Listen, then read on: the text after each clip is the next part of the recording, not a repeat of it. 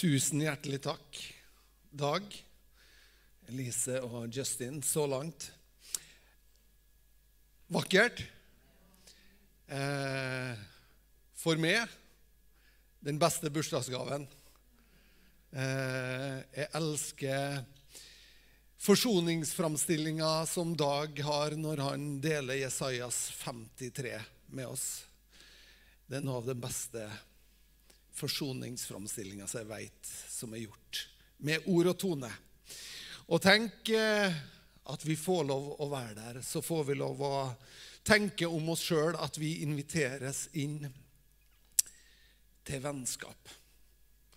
Påskehistoria er så full av historier. Den er så full av menneskelig sårhet. Den er full av håp, den er full av proklamasjon, den er full av Jesus jeg kommer aldri til å svikte det. Og så er den også full av haner som galer og håp som brist. Og så er det så lett for oss at vi tenker om oss sjøl akkurat som Bjørn Eidsvåg synger i Kyrie. Så sier han det skulle ikke jeg ha gjort. Jeg vet ikke om det er noen andre enn meg som har den følelsen av at Nei, Peter, hvordan kunne du? Det skulle ikke jeg ha gjort. Eller når alle blir spredt og springer sin egen vei, når alle gjemmer seg for å berge sitt skinn, så tenker vi nei, det skulle ikke jeg ha gjort. Jeg skulle ha stått der sammen med deg. Jeg skulle ha vært der sammen med deg. Jeg skulle ha kjempa Jesus sammen med deg. Og Likevel så vet vi at Jesus med sine disipler så har han gitt dem et bakteppe der han på en måte tidlig har snakka om det til dem at eh, Vennskap, dere. Vennskap. Vennskap er noe stort. Og det fins ingen som har større kjærlighet enn den som er villig til å gi sitt liv for sine venner. Og så sier han til dem, 'Dere er mine venner.' Dere er mine venner. La oss slå opp i Johannesevangeliet, i det 15. kapittelet. Og så skal vi lese der, og skal vi la Guds ord åpne opp for oss sitt rike forrådskammer skal vi la Guds ord åpne opp for oss, sånn at du og jeg kan få lov å få et lite glimt av det Gud har tiltenkt oss. Og Vi skal lese et lite stykke der ifra vers kapittel 15, Johannes evangeliet kapittel 15. Og så ser vi det her verset som jeg har eh, highlighta der det står Ja, vi leser fra vers 9. Slik som min far har elsket meg, på samme måte har også jeg elsket dere. Dette er et vers som det knapt går an å ta inn. Vi vet at Faderen er kjærlighet. Vi vet at Gud er treenig. Vi vet at Gud er tre i én, og hans sterkeste karakterstrekk er kjærlighet. Og så sier Jesus det på samme måte som Faderen har elska meg, så har jeg elska dere. Bli i min kjærlighet. På samme måte Det står at Gud han uttrykker sin kjærlighet til Jesus med bl.a. å skape alt til han, for han og ved han. Kjærligheten uttrykkes i skaperkraft, i lengsel etter å vise lengsel etter å vise storhet lengsel etter å gi det aller beste. I den lengselen, der er det vi finner kjærligheten mellom Gud Fader og Gud Sønn. Og så vet vi at Gud, Den hellige ånd, er der, og det står at ånden svevde over vanna. I den kjærligheten inviteres du og jeg inn uforskyldt, ufortjent, fritt og av nåde. Wow. Bli i min kjærlighet. Ja, Jesus, hvor ellers skulle jeg ville være enn akkurat der? Hvor ellers skulle jeg ville være som menneske enn akkurat der? I krysspunktet imellom Guds kjærlighet som treffer jorda, som treffer mennesker, så kan jeg få lov å stille meg, så kan du få lov å stille deg, og så kan du få lov å bli ei måltavle for hans kjærlighet. Wow. Hvis dere holder mine bud, blir dere i min kjærlighet. På samme måte som jeg har holdt min fars bud og blir i hans kjærlighet. Dette har jeg tar til dere for at min glede skal være i dere, og for at deres glede skal bli fullkommen. Når han snakka om sitt bud, så snakka ikke han om noe som han tenker er hardt og vanskelig og krevende og tungt. Han sier, 'Ønsker dere å bli værende i den kjærligheten, så bli i mitt bud.' Og mitt bud er enkelt. Dette er mitt bud, at dere skal elske. Det er mitt bud. Kan vi som mennesker bli i det budet? At dere skal elske hverandre slik som jeg har elsket dere. Det er noe som er krevende for oss mennesker, og det er å skjønne hvor høyt Gud elsker oss. Fordi at vi opplever oss på ingen måte som elskverdig.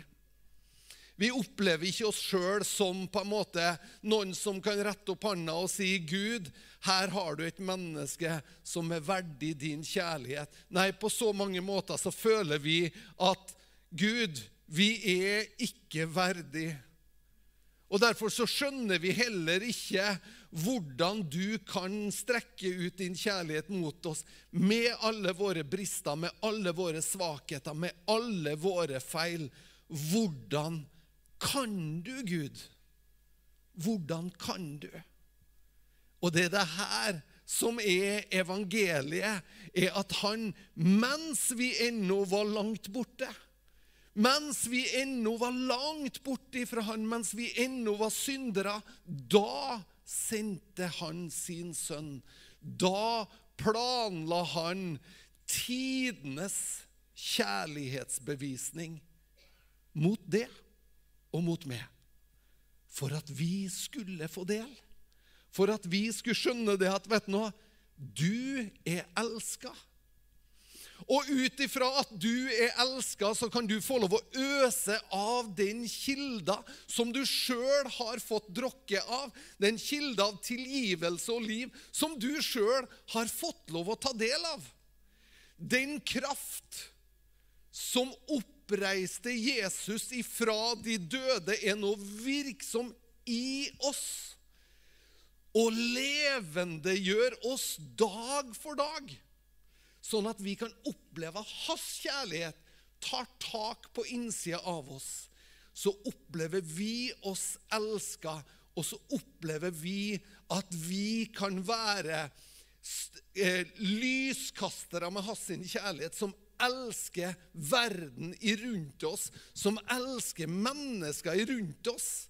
Så blir vi projektorer av hans kjærlighet. Kjærligheten treffer oss sånn at den kan gå ut ifra oss og treffe andre mennesker. Du er elska. Du er elska. Han har bytta bort din skam imot sitt lys. Der du var tynga av skam, så sier han, 'Jeg løfter det av det. Jeg tar det bort.'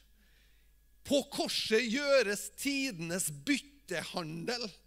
Da han bytter skammen bort imot oppreisning, imot liv, imot lys. Han bytter det bort. Han tar din sykdom, han tar din skam, han tar din fornedrelse. Dette er mitt bud, at dere skal elske hverandre som jeg har elska dere. Ingen har større kjærlighet enn dette, at han gir sitt liv for sine venner. Dere er mine venner hvis dere gjør alt det jeg har befalt dere. Jeg kaller dere ikke lenger tjenere, for en tjener vet ikke hva hans herre gjør. Dere har jeg kalt venner. Jesus trenger å ha noen venner. Jesus trenger å ha noen mennesker på denne planeten som han kan kalle sine venner. Han, han, trenger å ha noen som kan være hans representanter, som han kan fortelle hva Faderen har fortalt han. Som kan være med å bringe det Faderen har på sitt hjerte, ut til denne verden. Han trenger noen han kan få lov å kalle venner, som sier, 'Ja, Jesus, jeg vil være din venn.' Jeg vil være et menneske på denne planeten som du kan tenke om. Han er min venn. Jeg veit det fordi han elsker. Fordi han elsker, så veit jeg at han er min venn. Her har vi et menneske, her har vi ei dame, her har vi en mann, her har vi en gutt, her har vi ei jente som er min venn. Jeg veit det fordi de elsker. Fordi de elsker sånn som jeg har elska dem, så elsker de uforskyldt. Uten kanskje at noen har gjort seg fortjent til det. Så lar de seg prege av denne kjærligheten. Kjære venner, denne verden trenger frelse. Denne verden trenger frelse så sårt som den aldri før har gjort. Vi trenger Jesus mer enn noen gang. Han ønsker å fortelle oss det Faderen har fortalt han. For alt det jeg har hørt av min far, det har jeg gjort kjent for dere. Men dere har ikke utvalgt meg, for jeg har utvalgt dere og satt dere til å gå ut og bære frukt. Og frukten vi bærer, det er åndens frukt. Det er glede, fred, tålmodighet, saktmodighet, kjærlighet, avholdenhet.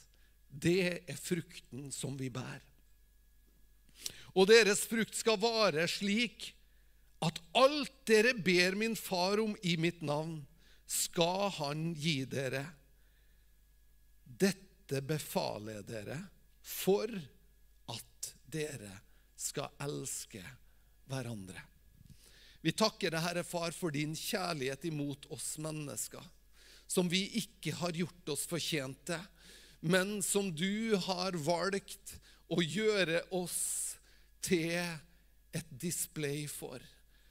Du har valgt å gjøre oss til en plass der du kan la din kjærlighet få lov å treffe, få lov å vises, få lov å ha innflytelse og få lov å bre om seg. Takk at du kaller oss dine venner, Jesus, og at du var villig til å gi ditt liv for oss, sånn at vi kan ta del av det livet du vil gi oss. Og jeg ber, Herre, om at dette livet skal levendegjøre oss på en sånn måte at vi skjønner at vi er elska, og at vi skjønner at skammen er tatt bort og at vi skjønner at vi er dine venner som du ønsker å ha samfunn med. Vi takker deg for det, Herre, i Jesu Kristi navn. Amen.